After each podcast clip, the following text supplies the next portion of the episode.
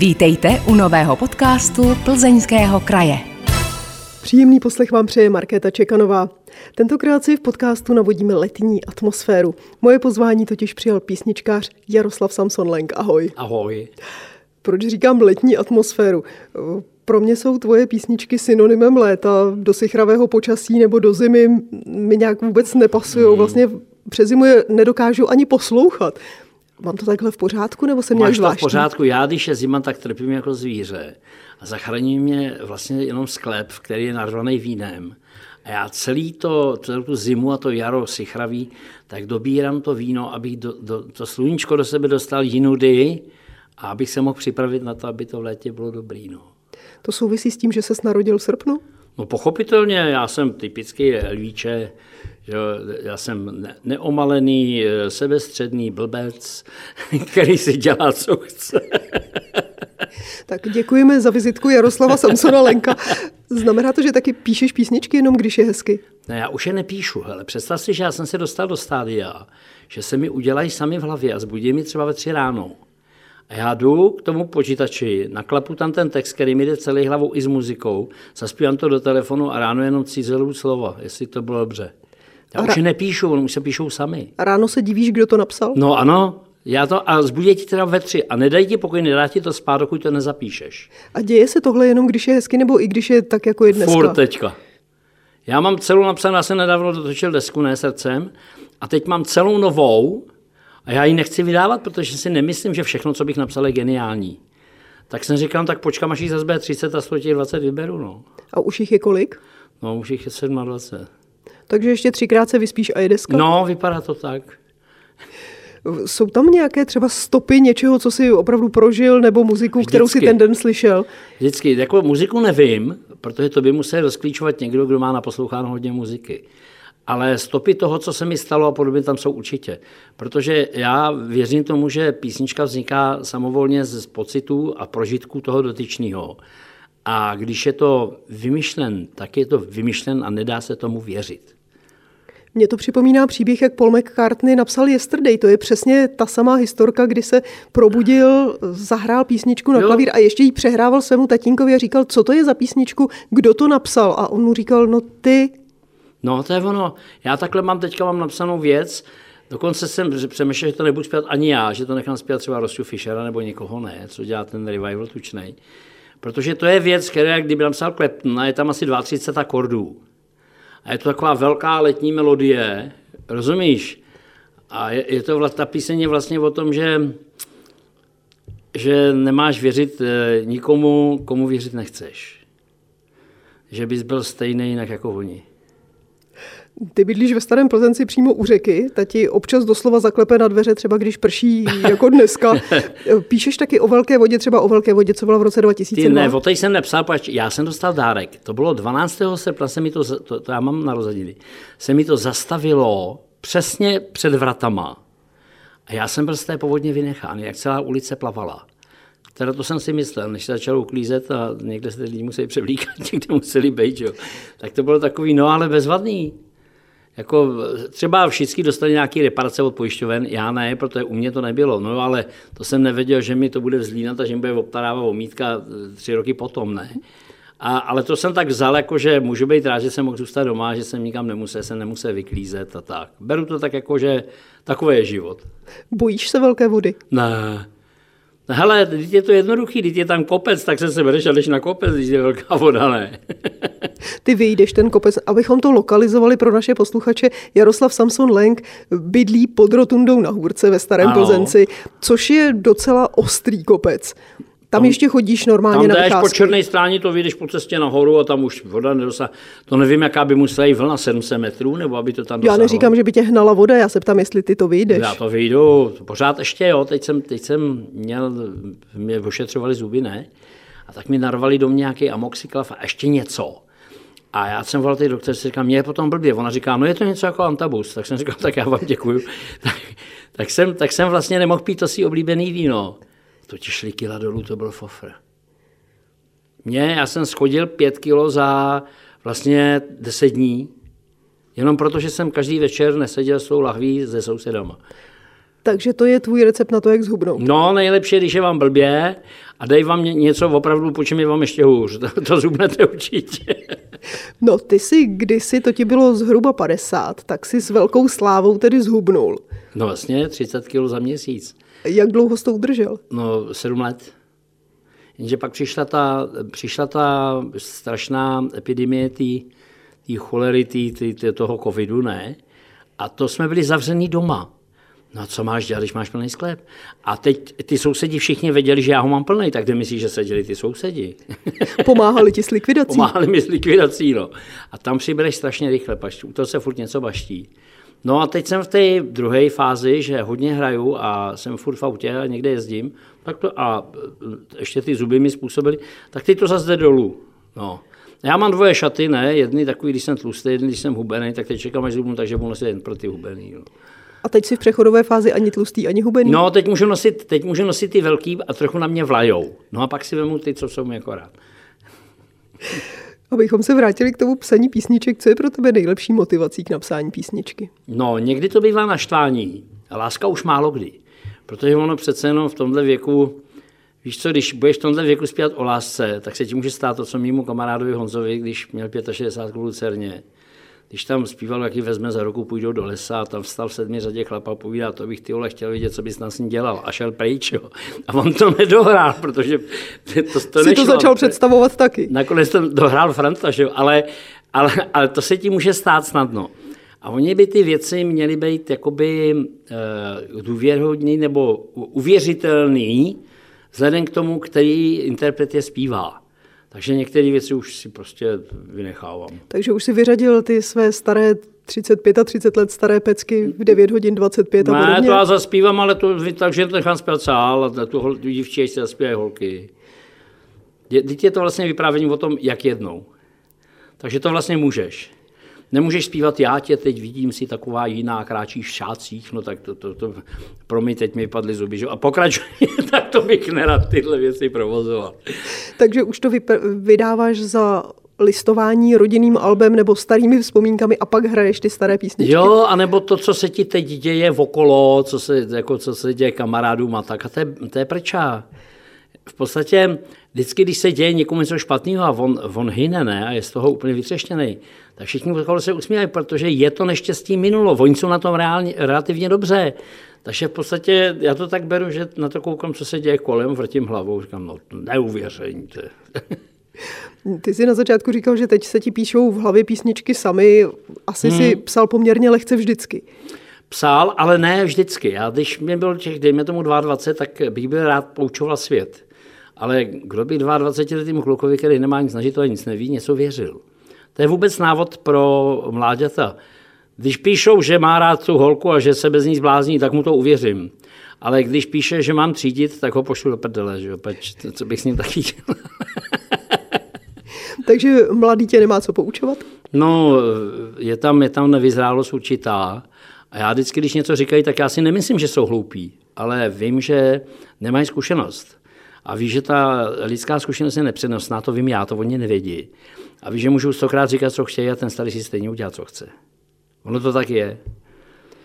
Řekl tobě někdy, když jsi byl mladý, někdo z těch starých bardů, abys ho nepoučoval? Hmm, Vabiri vole povídá, hele, blbně zpívají o tom holkách, jaké mají veliký a takový a, a neblbni tady, bež, dej si ruma. aby byl o něco starší než já. Že? Takže to byl velký učitel té vaší generace písničkářské? No vůbec Vaby Miky, Vaby Daněk, to všechno moji kamarádi. Já jsem, byl, já jsem měl tu kliku, že jsem začínal hodně brzo. Takže oni, když šli do Slávy, tak já jsem šel s nimi, ale já jsem byl dost mladší. No a to se mi do dneška zúročuje, pak jsou všichni mrtví skoro, ne? Já, já furt ještě hraju. No ty jsi z té generace, kam patřil nejenom tedy Vaby Daněk, ale eh, Pavel Honka Žalman, Karel Plíhal, Jaromír Nohavica, Pavel hmm, Dobeš. Jasně no. Eh, co jméno to ikona českého folku, dá se říct. Já jsem jednou mluvila s jedním písničkářem z té generace, která je výrazně mladší než ty a on si posteskl, že vy jste prostě byli silná generace a po vás nikdo takový už nepřišel. Máš pro to vysvětlení? No mám, my jsme se ovlivňovali navzájem, my jsme se přeskakovali. Tam byla určitá jako bych řekl, soutěživost mezi těma dotyčnými. Když někdo něco napsal, tak to umím napsat líp. A jsem asi jsem napsal to líp ne. A on potom přišel a říkal, to jsi mě neměl dělat. A já pamatuju, jak, jak, jak kdysi dávno zpíval, zpíval Žalmal nějakou písničku, a která měla americký originál, volný českého textoval. A Vaby si nechal přeložit Daňku ten text a jmenuje se to je nás více než loni, to, co mě to, no ale on měl tu originál, americkou verzi a zaspíval to v tý, ten český překlad té americké verze a ten Želman tam tak stále povídá, to mi neměl dělat. a já jsem se tomu smál, protože jestliže něco převezmeš, tak se nediv. Já jsem to nikdy nedělal. Já jsem převzal v životě velice málo z tři písničky, jinak ne. Já si totiž myslím, že k tomu textu, ta melodie vždycky, to je jak když holce sebereš kabát a pošleš ji nahou. To prostě musí jít spolu. To, to, to by dohromady mělo jako nějak držet. Když to, když vemeš jakoukoliv americkou věc a nezabýváš se tím, co zpívá dotyčnej a otextuješ ji, jako třeba kočovní herci tu jsou, tak to je dost strašný, koukat se, o čem zpíval ten Lightfoot v originále a o čem zpíval ten Franta Nedvědu. Ale to, to, to, tak prostě je, já prostě na to mám tenhle názor. Takže ty si neskoušel ani nikdy, ne, že si nepřevzal, to si říkal, že tři, ale ani jsi to neskusil? Zkusil, ale je to zbytečný. Zjistil jsem, že to je zbytečný, že to stejně nikdy nebude tak dobrý, jako protože tam se ještě nepočítá s tím, že ten člověk, který to zpívá, tak má i určitý tembr hlasu, který sluší té písně a proto ji proslavil. To, že ji tady někdo znásilní, neznamená, že bude stejně slavná.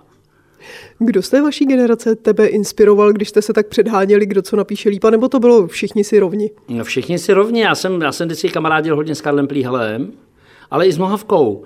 Protože dokonce mám doma takový dopis, kdy já jsem psal takovou písničku Nepište stížnosti na básníky, ne? A Jaromír mi napsal takový, mám tam takový dopis, mi napsal, že netušil, že bych někdy něco napsal tímhle způsobem. Já jsem říkal, něco jako ty, víš, já jsem mu tam podepsal. To je vlastně, že ty věci, eh, my jsme měli ten foršlip, že nás bylo víc a že jsme se učili, že jsme pozorně sledovali, co dělá kolega. Ale proč nepřišel nikdo pro vás, po vás? Proč tady nevyrostla další generace, no, která by s vámi přišli, chtěla soupeřit? Protože přišli producenti, kteří znásilnili hudební průmysl a chtěli tomu sami velet. To znamená, oni nám všem nabídli výhodné smlouvy s tím, že po první desetě hned zařízli a spali jsem to, co už vydělalo stokrát venku. A to oni chtěli prodávat na trhu. A lidi, kteří měli vlastní rozum v hlavě, se jim nehodili a uměli počítat. A počítali mladí blbce, kteří se nechají okrást a potom jim něco usypou. A vidíš eh, někde na té hudební scéně někoho mladého, kdo by měl šanci vyrůst, kdyby mu třeba ti producenti neházeli klacky po No už vyrostli, už vyrost Xindl, už vyrost uh, Klus, už jsou tady lidi, kteří vyrostli jakoby tím svým směrem a už si to sami řídějí, což já velmi tleskám. Ale pořád jich není tolik, jako jste byli vy, no, a je to trošku není, jiná muzika. Ona není ani tam, tenkrát ta porta byla jedna a těch a na základě jí vznikly takový ty satelitní maličký festiválky hraní, kde se to potkávalo. A vždycky, když nás někoho zakázali, tak ty ostatní hráli něco mu usypali zonáře, aby přežil. Jo. To se tak dělalo, že přišel někdo a říkal, půjč 4 kila, nemám. A věděla si, že nedostaneš. Zpátky nikdy, pak on na to hned zapomněl, pak se ožral ten večer, který se nepamatoval. Ale to tak bylo. A my jsme se všichni podporovali tak jako by navzájem. Třeba za mnou přišel, jsem bydlel v Jelečkovej 15 a na Miladě Horákové v Praze za rohem bydlel dva bydleňků. V tom baráku, kde bydlel předtím Karel Kryl a kde mu potom odkryli tu pamětní desku, ne? A já jsem přišel k babimu a říkám, ty babi, potřebuji půjčit 10 tisíc, nemáš doma? On říká, mám, půjčím. Takhle mi je dál, říká, až budeš mít, tak mě vrátíš. A za měsíc byla říká, nabořil jsem volhu, nemáš 10 tisíc. Víš, jako tak, takhle to bylo prostě, že, že jsme podporovali jeden druhýho, pomáhali si a hráli jsme na nástroje, které nám vyrobili kamarádi, takže nás zase tolik nestáli. A to bylo strašně příjemné. Posloucháte podcast Plzeňského kraje. Jeho hostem je tentokrát písničkář Jaroslav Samson Lenk. My už jsme se toho dotkli a nemůžeme, protože jsme v Plzni, vynechat portu. Jak na ní vzpomínáš? No já na ní vzpomínám jako na něco velmi prospěšného a zároveň strašidelného, protože jako muzikant vím, že je hloupost soutěžit v hudbě. To bys musel všem dát stejný materiál, museli by to všichni zahrát a kdo to zahraje líp, ten by vyhrál. Takže ta soutěž byla spíše víceméně pofiderní a to, jak si dokázala přesvědčit ty, ten DAV, protože tady byl, byla odborná porota, který jsem se vyhýbal, někdy si Jiřina Fikizová, jsem říkal, no a píšu písničky spíš pro lidi a on říkal, to říkáte, jako kdyby jsme nebyli lidé. Já říkám, no jestliže tady upřednostňujete mladé autorky, před kvalitou starých autorů, tak, tak nejste lidé, tak, tak, tak tady něco genderově šlechtíte. Že? A tak jsem se s ní pohádal.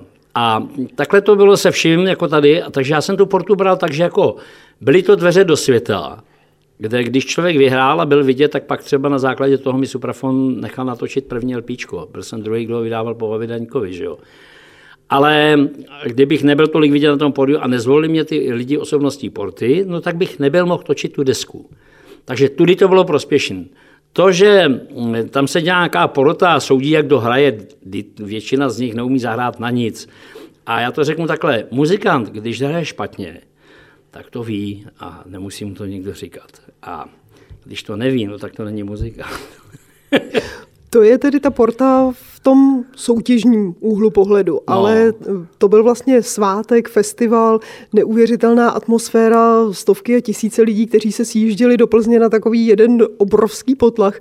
Proč ta akce měla takovou unikátní atmosféru? No, ona, protože byla dlouho stěhovaná, zakazovaná, nabalovali se na to lidi, protože oni cítili, že, že něco není v pořádku.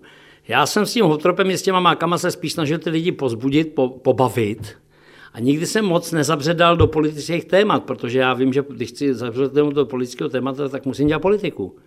A to dělám do dneška. Jako když nedělám politiku, tak dělám písničky.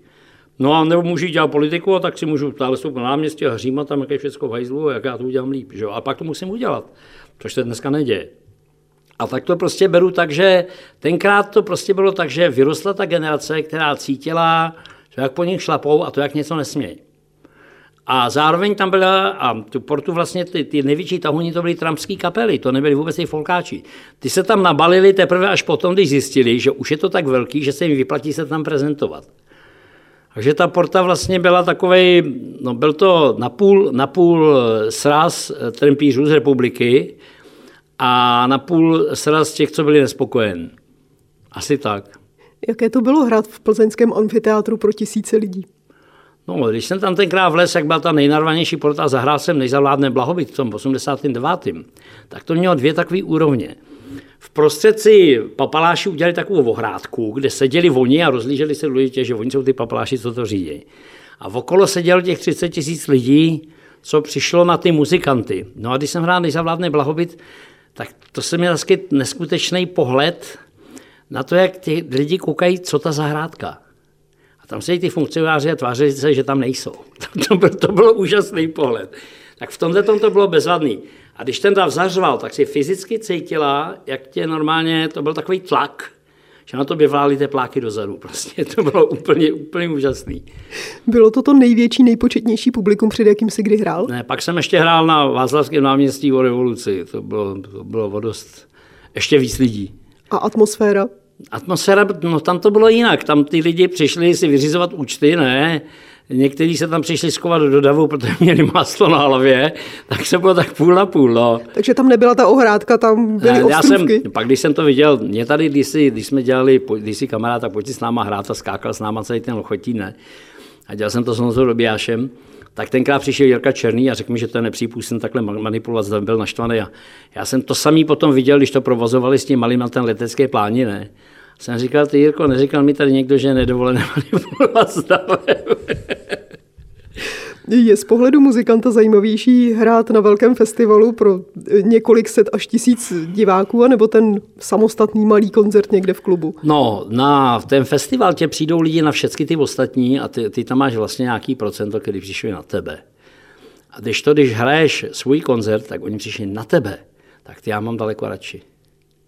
Potřebuješ, aby ti publikum rozumělo i po jazykové stránce, nebo jsi schopen hrát i v zahraničí? Já jsem byl schopen hrát i v zahraničí, protože stejně jako my jsme tady léta bez znalosti angličtiny poslouchali, eh, co jsem přesla, eh, ta anglosaská provenience, tak stejně tak, oni jsou zvědaví na to, jak my tvoříme melodie a jak je to barevný od nás. A naopak, když jim to chceš přeložit do angličtiny, tak ani nechtějí. A oni to chtějí slyšet tak, jak to je.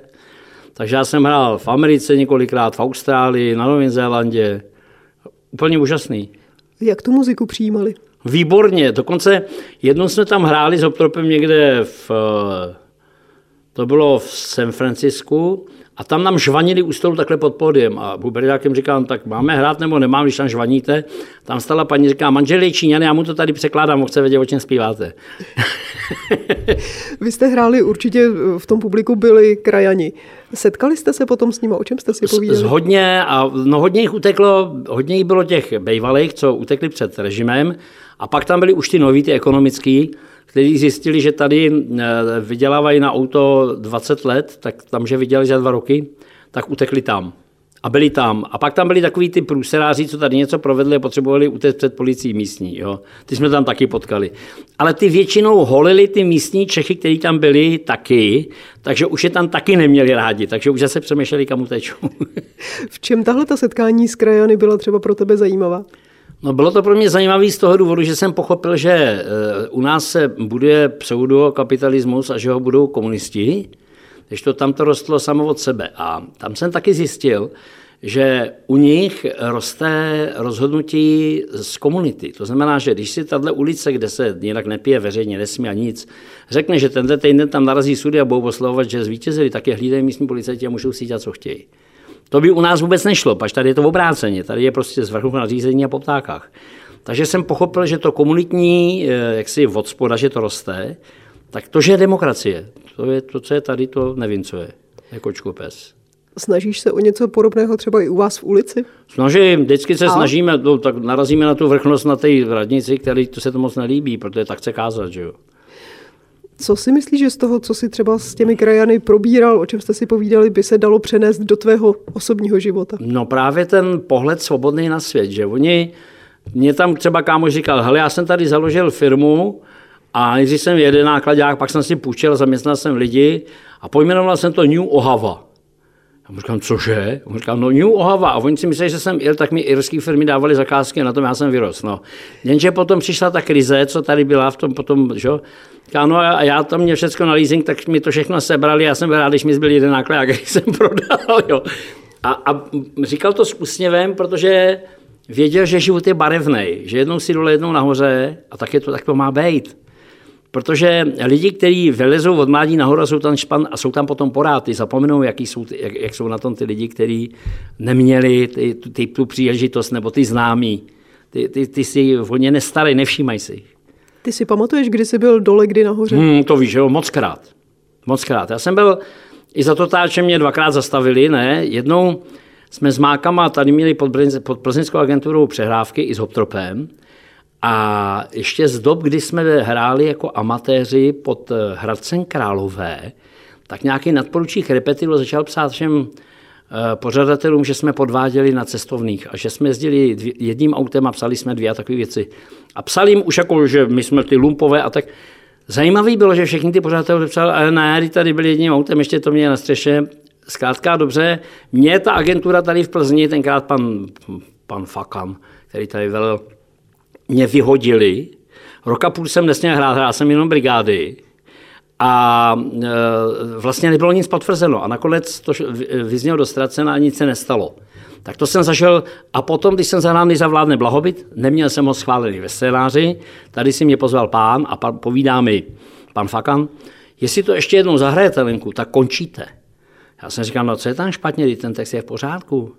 No to musí, já jsem říkal, tak já se jdu zeptat. A šel jsem tady na KSČ, tam mi řekli, ne, my jsme jenom strana, my o tom nerozhodujeme, o tom rozhoduje KNV, tak jsem šel na KNV.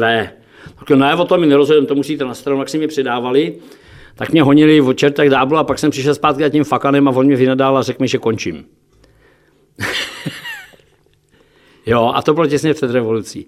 Takže já jsem měl dvě takové, a nikdy jsem o tom moc nemluvil, protože v tu dobu bylo oblíben, v tu chvíli byl zakázaný každý tam v, tě, v televizi lidi, kteří si tam viděla tisíc let hrát a v podstatě to bylo takový per, Honrářový perpetuum mobile, tak vyprávěl o tom, jak byli persekuovaní. To nebyla pravda. Co potom člověk dělal, když nesměl hrát? No já jsem hrál brigády a protože jsem byl autor a chodili mi autoráky z osy, tak já jsem nějak přežil. Co to je hrát brigády? No, že přijedeš jenom za cesták a neřekneš si nic za honorář. Nic nedostaneš taky takže bylo korunu 75 za kilometr, tak já jsem přijel autem tam a zpátky jsem měl taky autem, No a to, to co bylo, co, co nesežral ten benzín, co bylo na to, jsme projedli, takže jsme vlastně neměli ještě opravit auto. No ale proč jsem věděl, že to jednou skončí, no, tak jsme si dovolili projít hold, rok to údržby toho auta. Posloucháte podcast Plzeňského kraje. Tentokrát s písničkářem Jaroslavem Samsonem Lenkem. Ve tvém profilu na Wikipedii je i věta žije a pracuje ve Starém Plzenci. Přiznám se, že tahle formulace obecně mi přijde mírně řečeno zvláštní, protože třeba ty pracuješ, tedy hraješ všude možně po republice i mimo ní. Zároveň jsem ještě neviděla, že by někdo měl u sebe napsáno žije, ale nepracuje tam a tam. Navíc ty jsi de jure důchodového věku. Ano. Pracuješ? Nebo jak vypadá folkový písničkář na penzi? Já ti to řeknu takhle, ne. Já mám pořád to rádio Samson, o to se musíš starat. To, to není samo od sebe, to je, jako když máš podnik. A k tomu máš ty dvě kapely a tam musí někdo dělat organizaci těch věcí a podobně. Do toho píšeš a mám vydavatelství. A takže, takže vlastně já od rána do večera něco dělám. A přijde mi to jako v pořádku. Dokonce si nevedu představit, že bych teď si řekl, už jsem v důchodu, všecko to ruším. To si vůbec nedovedu představit. Co bych tam dělal? Okopával brambory, nebo chodil bych, koukal na motýly, nebo já vůbec nevím, co bych dělal. Co budeš dělat letos v létě? Letos v létě hraju každý měsíc asi 16krát po celé republice. Do toho píšu, starám se o to rádio, aby mi běžel od podzimu zase jinak, protože jsme opustili DAB i FM, FM, protože prostě ten internet je předběh, tak proč já bych platil nesmyslné částky a ještě radu pro rozhlasové televizní vysílání, která, kde se bere daleko víc než v normálním sektoru, ne? Proč já bych je živil, když nemusím? No tak to máme na internetu a ten, kdo to chce, tak si to dneska může otevřít v telefonu, v počítači, kde chce, což je vlastně výborný. Mám akorát smlouvu s Play.cz, který šíří ten signál a je to. A já se o to víc nestarám. Takže ti čeká tady poměrně hodně hraní během toho léta. Strašně.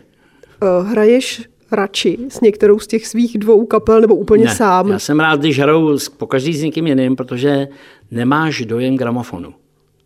Takže to, když hraje někdo jenom z jednou kapelou furt dokola a třeba se neskouší a hraje se tři roky ten samý repertoár, no ten musí být zoufalý, ten muzikant. To, to bych nerad. A my s tím hoptropem ještě, když jsme stará kapela, tak něco píšeme novýho, ale už moc ne, protože máme 130 věcí, ne. A vždycky zařadíme nějaký ty starý, některý vyházíme a uděláme jiný program. S Partou je to tak, že vlastně byla Pohrobek jako pokračovatel máků, takže tam se hrajou asi pět těch šest úspěšných máků, máckých písniček a zbytek všechno to je parťácký. Teď mám dvě nové věci, budeme cvičit. A no cvičit. Já v podstatě jim řeknu, jak si to představuju, a, protože to mám v hlavě a naskouší se to, aby se to hrát. No. No a pak jedu sám a tam já si zkouším ty věci, že třeba, třeba jede Ánen Kaja Bečvářů se saxofonem a s celým orchestrem se mnou jeli a teď chystáme na podzim šňůru s b bandem, protože oni, kluci, co když hrávají s tím Dickem, jezdí po světě ne, a hrajou tyhle ty neuvěřitelné věci, co hrajou, tak z nich vylezlo, že oni, když jdou večer na pokoj, tak si berou dvě kytary a hulákají tam ty naše písničky. A že je to baví.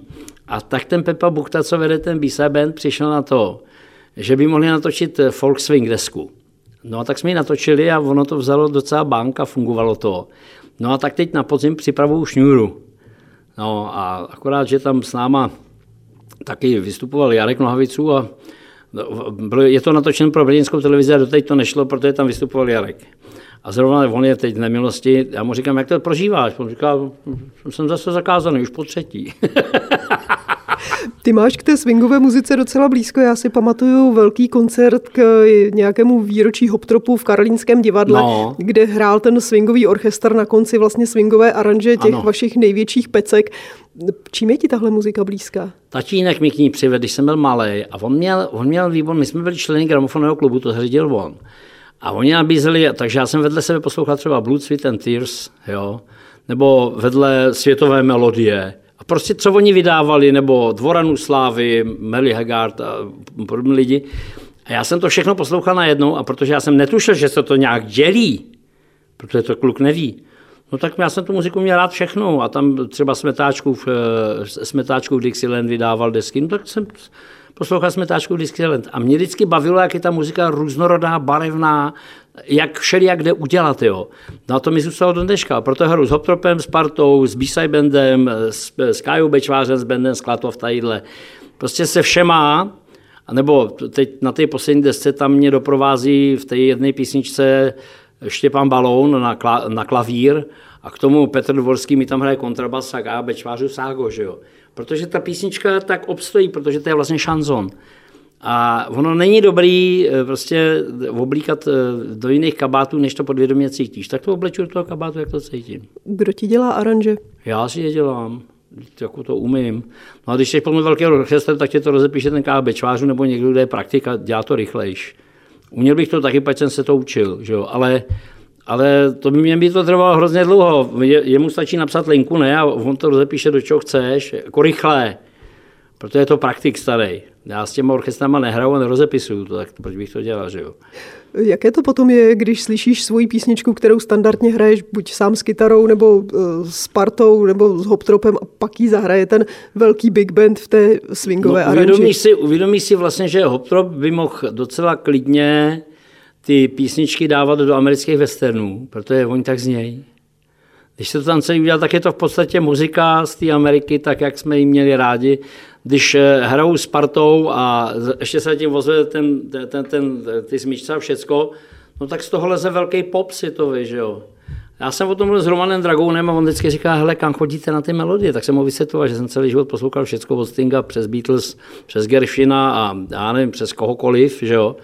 On říkal, no pak, pak je to jasný, pak je tam jasný daný ten melodický naposlouchaný dár, že si měl to rozpětí. Že jo. Dá se tou aranží ta písnička úplně posunout někam jinam, změnit, zlepšit? No, většinou dá. Ono je to tak, že každý písni sluší jiný kabát. A když nezvolí správný kabát, tak je to asi jako krásná holka, když jde v, když jde v poflusaném pytli. Jo, jako ty víš, že je pěkná, no, ale něco tam na tom není do, dobrýho. Stalo se ti někdy, že někdo někde nějak zaranžoval nebo hrál tvoji písničku, ty jsi slyšel a bylo ti z toho ouvej? Ty ne, ani ne, protože já mám, stalo se mi to jednou, když byli slavní ty medvědí a, a ten vidrýsek, tak se na to hned ty různý místní přiživníci hned natočili CD pro děti, kde tu věc znásilnili. A protože neznali originál partituru, tak jak, jak si to představovali, to nahráli, tak tam mi bylo místě úzko, když jsem slyšel, jak se s tou harmonií poprali. No ale jinak tak co, tak jestli to těm dětem, ty děti stejně poslouchají akorát tu základní melodii a moc nerozlišují, co je k tomu. Když mi třeba volali kluci z Maxim Turbulence, jestli můžou hrát ještě jako taneční kus, a já jsem říkal, no a kdybych nechtěl, říká, my to stejně uděláme. A jsem říkal, tak proč mi voláte? On říká, je to krátký, potřebujeme druhou sloku. tak jsem jim dopisoval druhou sloku, pak jsem si uvědomil, že ne všechny děti slyší muziku, ale některý fungují spíš na rytmus. A to je taneční záležitost. A tam, tak proč by to nemohlo být? Tak jsem mi to nechal, oni to udělali a jo, fungovalo to. S kým by si chtěl ještě v životě zahrát? Nebo už jsi si zahrál s každým? No, abych si chtěl zahrát s každým dobrým muzikantem, který ho potkám, protože vždycky je lepší, když si můžeš zahrát víc věcí, eh, je to, je to barevnější, je to harmonicky složitější, to, to, to, je, to, to je výborný, jako jo, že, a nebo že si můžeš s tím orchestrem, že tam můžeš mít ty smyčce a že tam můžeš mít ten sbor. A to, je, to je vždycky ještě jiný, jo, protože je to zase jiný druh a je to vlastně umění, že jo. Ale není to tak, že bych chtěl cíleně, že bych si třeba chtěl zahrát s někým jeho písně někde. To vůbec potom nějak netoužím. Nemám tu ten tlak nebo... Jsou muzikanti, kteří nemají rádi propojování žánrů, typicky se proti tomu ohrazují především muzikanti z oblasti opery a vážné hudby. Tenhle ten typ fúzování ti taky nevadí, anebo no, zůstáváš na, jenom u toho Nám swingu? jednou přišla točit do studia, tady, co mám nahrávací, tady mladá dechovka z Plzně.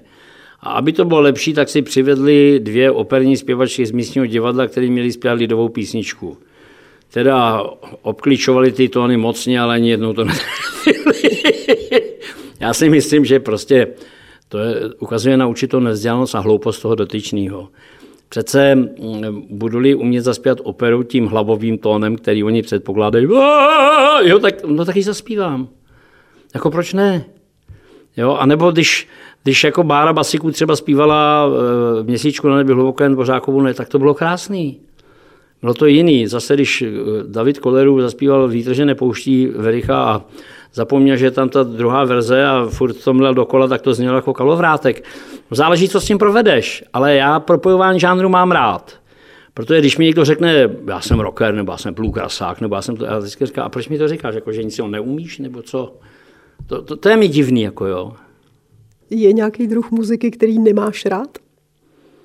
No, v podstatě mám rád všechny druhy muziky, akorát nemám rád, když se jako, jako vrzání vydává za hudbu. No. Víš, jako když eh, můžu naprogramovat počítač a, a můžu navzorkovat, mám to tam ve studiu, zmačneš klávesu, zahraje ti kus fráze trubka, zmačneš jenom klávesu a dohraje ji někudy. Jo, a jednou jsme takhle za 10 minut, ještě když byl Karel Vovesnejch naživu a se Šprckou, s Jirkou Šneberkem, tak jsme ve studiu vzali si ty kapuci, nesloupili si za ty klávesy a a, a tak jsme měli za 4 hodiny skladbu, že jsme mohli vystupovat, ale to nám nějak přišlo hloupý. No. Takže tyhle výdobytky techniky jako smyčkovače a samplovače to nepoužíváš? Nepoužívám, protože si myslím, že eh, tak je to určitě k něčemu užitečný, ale já to nepotřebuju tak, k tomu, co dělám. Ty máš radši tu muziku, která se dělá rukama? Ano, přesně tak. Na jaké všechny nástroje umíš hrát, nebo jenom na tu kytaru? Já si zahraju klávesy, když potřebuju harmoniku, tu jsem studoval 9 let že jo, to sednický trošky a piano. Říkám, a na mandolinku si umím zahrát, co potřebuju, na benžínko si umím zahrát, co potřebuju. Já jsem v podstatě se naučil si zahrát tak trošku na všechno, ale hlavně hraju na tu kytaru, protože tam mě baví nejvíc. Na všechno, takže i dechovky? Dechové ne, nástroje? ne, ne, dechový nástroje jsem nikdy neovládal a ovládat nebudu. O to jsou tady ty mistři, co to umějí, protože tam jenom, než se naučíš tón, aby to nějak hrálo, Máš deset hobojistů, jeden ten tón má, devět ho nemá. Přitom všichni hrajou na ten hoboj deset let. Tak jako to je velmi složitý. Je tady nějaký nástroj, který by se ještě chtěl pokusit nebo naučit zvládnout? Já se učím na piano teďka, jakože ho mám doma a cvičím na něj, abych si hrál třeba Rektémocko Joplina, třeba tu věc podrazu, ta se mi líbí. Má ještě muzikant ve tvém věku nějaké idoly, vzory, někoho, ke komu vzhlíží, koho obdivuje? No já to, to ty má asi každý z nás, já, mně se líbí Clapton, že jo, protože tak pomalu hrát tak zajímavé věci. A zase se mi líbí třeba ta jejich deska, co dělal s Gigi Kalem Road Escondido, kde oni v podstatě v jedné té písni nechali chrčet tu kytaru tak, jak byla, i, te, i ten Brum je tam slyšet a ten Erik tam několikrát zabloudí. A nechali to tam, protože to k tomu nahrávání patřilo. Bylo to vlastně jako by tak na půl živě, na půl to hezký to bylo. A vůbec mi to nevadilo, protože on, on jakoby zabloudil v, v motivu, ale, ale zabloudil někam a furt se to rolostne, spolu byl v nějaké harmonii. Jo, a t, t, jako tyhle ty lidi mě baví, nebo to je Emanuel, to je úžasný hráč. To je, na to, když koukáš, tak koukáš jak jelen, jak ten člověk hraje. Je někdo z těch muzikantů, kteří už nejsou mezi námi a u nich tě mrzí, že jsi s nimi nikdy nezahrál nebo nemohl ani zahrát, protože třeba zemřeli mnohem dřív, než ty si začal hrát? No, třeba mě mrzí, že jsem nikdy neviděl při práci Jana Vericha, protože jeho dikce při zpěvu a jeho pohyb byl tak úžasný, že to bylo svébytný, to bylo osobitý. Jo? A já, já jsem se s ním teda jednou, dvakrát potkal vlastně na, na kampě a jsem mu přehrával tu pohodu a on říkal, kolego, to budete mít velký problém. byl výborný. Ale jak říkám, toho jsem třeba s Voskovcem bych ho rád viděl zpívat normálně s Ješkem. To, to, tyhle ty lidi mě mrzí, že jsem neměl šanci vidět, pač jsem na to byl moc mladý.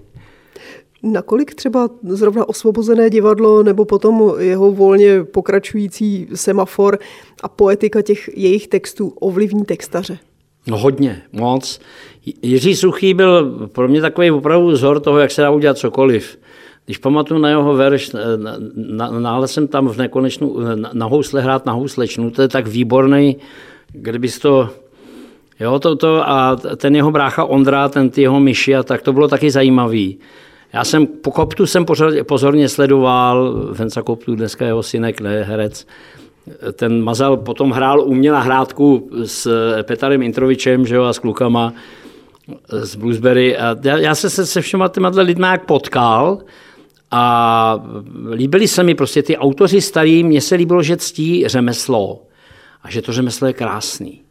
Ať je to třeba Honza Kruta, který dělal všechny ty hurikány pro, pro přesně trefil, nebo kloflíky lásky pro Bartošovou, přesně trefil to, na co tenkrát slyšela společnost, což je velký dár autora. Já jsem třeba zjistil jednou, když jsem seděl s Mickey Rivolou, On říkal, minulý týden tady na Hazardu u nás byl eh, Pavel Vrba, textař.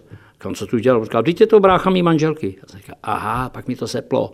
Že vlastně, a já jsem s jeho tatínkem, se starým Vrbou dělal v práci, v, v, když jsem ještě byl eh, v Poldovce, rozumíš? To tě nedojde, ty věci tě nesepnou, až tam mi seply vlastně že vlastně tam je to celý tak rodině postižená, celá ta rodina postižená textováním. A teď píšu písničky pro partu, když píšu pro holku, tak to píše Lenka Rivolu, že jo. Já vlastně se to snažím takové vždycky dočesat a dostat do nějaké formy. A, a to je zase Mikyho dcera, že jo, takže ono, ono se to tak nějak jakoby předává, má to pokračování. Takže folkáči jsou jedna velká rodina? Oni v podstatě všichni jsou jedna velká rodina. Tohle jsou moc malí kotěhulky, aby si tady někdo hrál na to, že je jiný. Hostem podcastu Plzeňského kraje byl tentokrát písničkář Jaroslav Samson Lenk. O životě a o písničkách by se dalo povídat asi dlouho, ale Dalo. Čas vyměřený podcastu už vypršel. Já tím moc děkuji, že jsi na nás udělal čas. Děkuji. Taky děkuji. Ahoj. Vážení posluchači, pokud vás třeba během našeho povídání napadlo, že byste jako jednoho z dalších hostů rádi slyšeli nějakého zajímavého člověka z vašeho okolí, pošlete nám svůj tip. Adresa je podcasty zavináč plzeňský kraj.cz. Na vaše e-maily se těší Markéta Čekanová. Díky za to, že jste poslouchali tento podcast. Připomínáme, že všechny podcasty Plzeňského kraje najdete také na stránkách Plzeňského kraje www.plzeňský-kraj.cz, na krajském Facebooku, YouTube nebo v Spotify, Apple podcastech a podcastech Google.